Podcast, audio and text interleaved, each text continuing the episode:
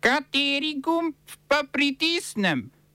Tisti, na katerem piše OF. Lula za las premagal Bolsonara in postal brazilski predsednik.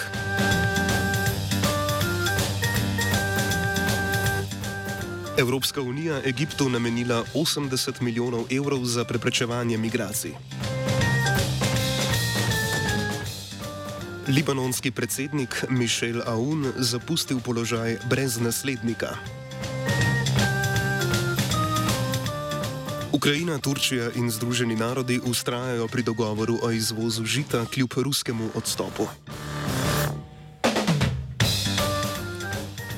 Na brazilskih volitvah je v drugem krogu s 50,9 odstotka glasov zmagal Luis Lula da Silva. Tekma za predsedniški stolček je bila najtesnejša po letu 1989, odkar ima Brazilija demokratične volitve. Jair Bolsonaro je tesno sledil z 49,1 odstotka. Bolsonaro je zmagal v dveh največjih brazilskih mestih, São Paulo in Rio de Janeiro. Razlike v volilnih rezultatih med ruralnimi in urbanimi predeli pojasni Monika Otterman, brazilska aktivistka v gibanju brezdomnih delavcev. Uh, because in the urban centers there is a lot of poverty and there is a lot of influence from groups such as the, let's say, local local chiefs, local traffic bosses, local pastors in communities, uh, and people in a more rural uh, surrounding.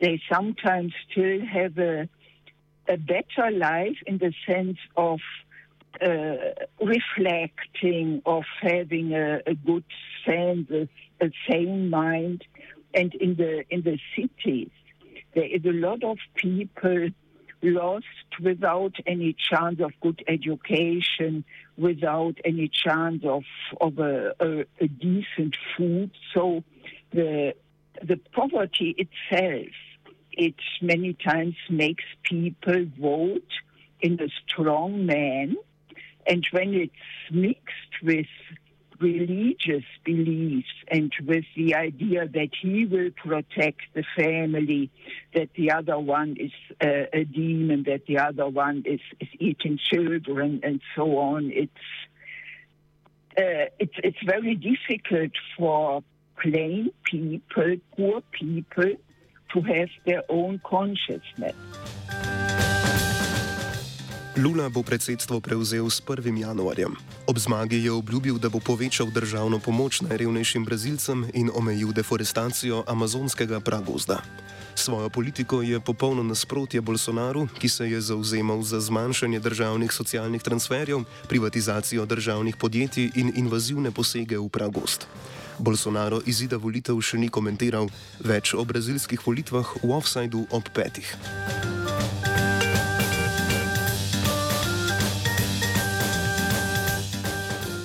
V soboto se je Rusija umaknila iz črnomorskega dogovora, kljub temu pa je, 12 tovornih, pa je 12 tovornih ladij zapustilo ukrajinsko pristanišče v Odesi.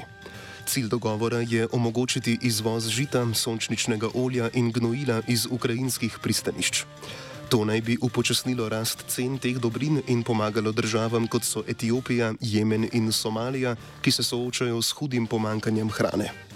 Rusija trdi, da se je iz dogovora o izvozu ukrajinskega žita umaknila zaradi ukrajinskega dronskega napada na ruske ladje. Na ukrajinski strani pa trdijo, da je Rusija sama odgovorna za napad. Organizacija Združenih narodov in Turčija, ki sta glavna akterja v dogovoru, trdita, da si boste še naprej prizadevali za nemoteno izvajanje dogovora.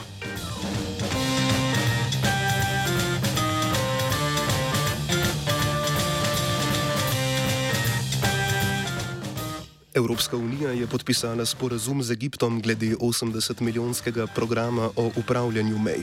Cilj projekta je zmanjšanje neregularnih migracij in trgovine z belim blagom. Novo financiranje bo omogočilo nakup opreme za nadzorovanje termalnih kamer in satelitskih sistemov. Migracije neposredno iz Egipta v Evropo naj bi v zadnjih letih upadle, povečalo pa se je število migracij iz Egipta v Evropo prek Libije. Prav te bi Unija omejila. Evropska komisija in Egipt sta v preteklosti že sodelovala. Leta 2018 je Egipt prejel 1,2 milijarde evrov pomoči za investicije v agrikulturo, obnovljive vere energije, turizem in prometno infrastrukturo.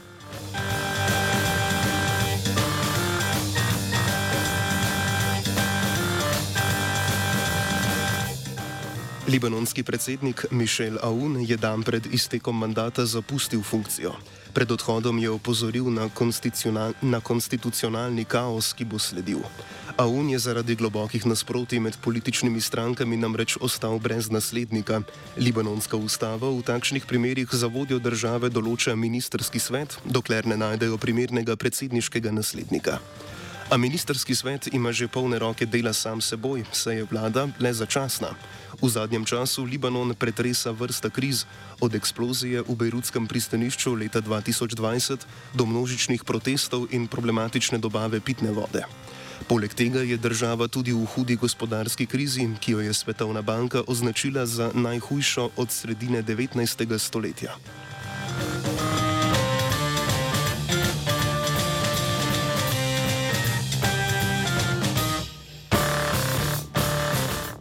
V Burkina Faso je zgolj nekaj dni po sestavi vlade strani vojske, ki je tam prevzela oblast, islamistična milica napadla dobavno misijo, pri čemer je umrlo 15 vojakov in prostovoljcev. V Burkina Fasu že od leta 2015 vladajo nestabilne politične razmere. V začetku meseca je vojska izvedla državni udar proti rivalski hunti, pred nekaj dnevi pa sestavila vlado. V dobavni misiji so bili burkinafaški vojaki in prostovoljci iz organizacije Obramba domovine. To pa ni edini takšen napad v zadnjih dneh. Nedavno je podporna skupina za islamiste in muslimane prevzela odgovornost za napad na vojaško bazo v mestu Džibo.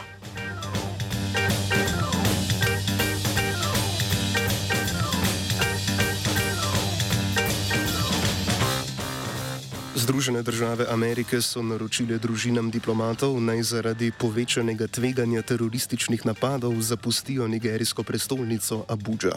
Čeprav teroristične skupine večinoma delujejo na severovzhodnem delu države, imajo manjše celice tudi bližje glavnemu mestu. Nigerijska vlada spodbuja prebivalce naj bodo previdni, a trdijo, da ni razloga za preplah. K naraščujoči napetosti naj bi pripomogel začetek političnih kampanj za prihodne predsedniške volitve, v katerih se bo zamenjal trenutni predsednik Muhammadu Buhari. Volitve bodo potekale 25. februarja naslednje leto.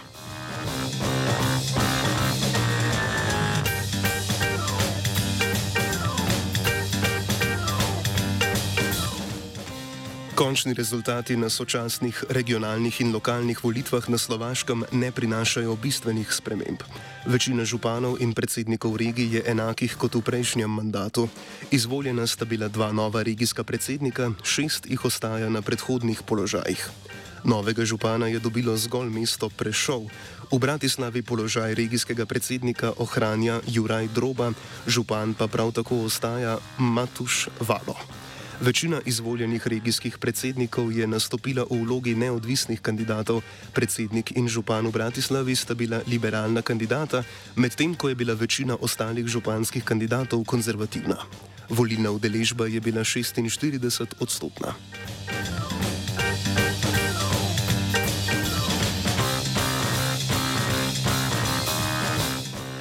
Evropska energetska skupnost je začela postopek proti Bosni in Hercegovini, ker je ta podaljšala delovanje dveh termoelektrarn na območju Tuzle in Kakanja, ki se jima je obratovalna doba že iztekla.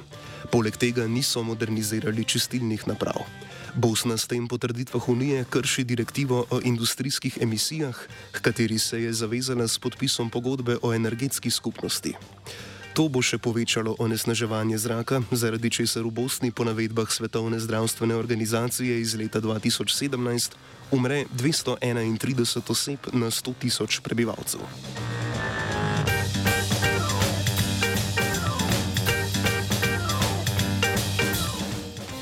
Kosovski premijer Albin Kurti je ponovno predstavil uvedbo kosovskih avtomobilskih tablic za srpske državljane, ki vstopajo na Kosovo. Ukrep bi moral začeti veljati 1. novembra.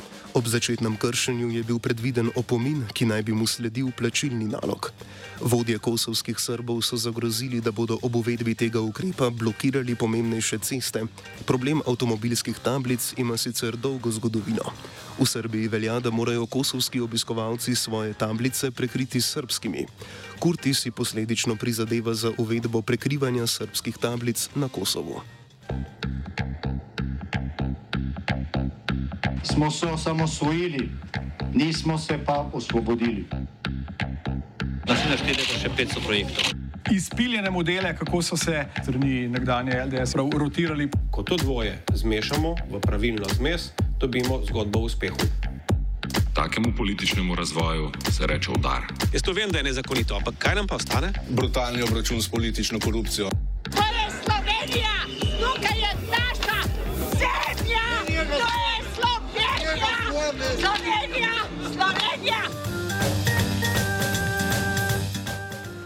Lista kandidatov Gibanja Svoboda za občinski svet v Vidmu je bila v celoti zavrnjena kljub predhodni odobritvi. Občinska volilna komisija je listo najprej potrdila, saj naj bi izpolnjevala vse pogoje v skladu z zakonom o lokalnih volitvah. Kasneje je bil uložen ugovor na listo. Po poročanju portala N1, ki se sklicuje na informacije iz Gibanja Svoboda, so pritožbe na uložene kandidature v več občinah podali v slovenski demokratski stranki. Trdili so, da Gibanje Svoboda list in županskih kandidatov ni določilo v skladu s svojimi notranjimi pravili.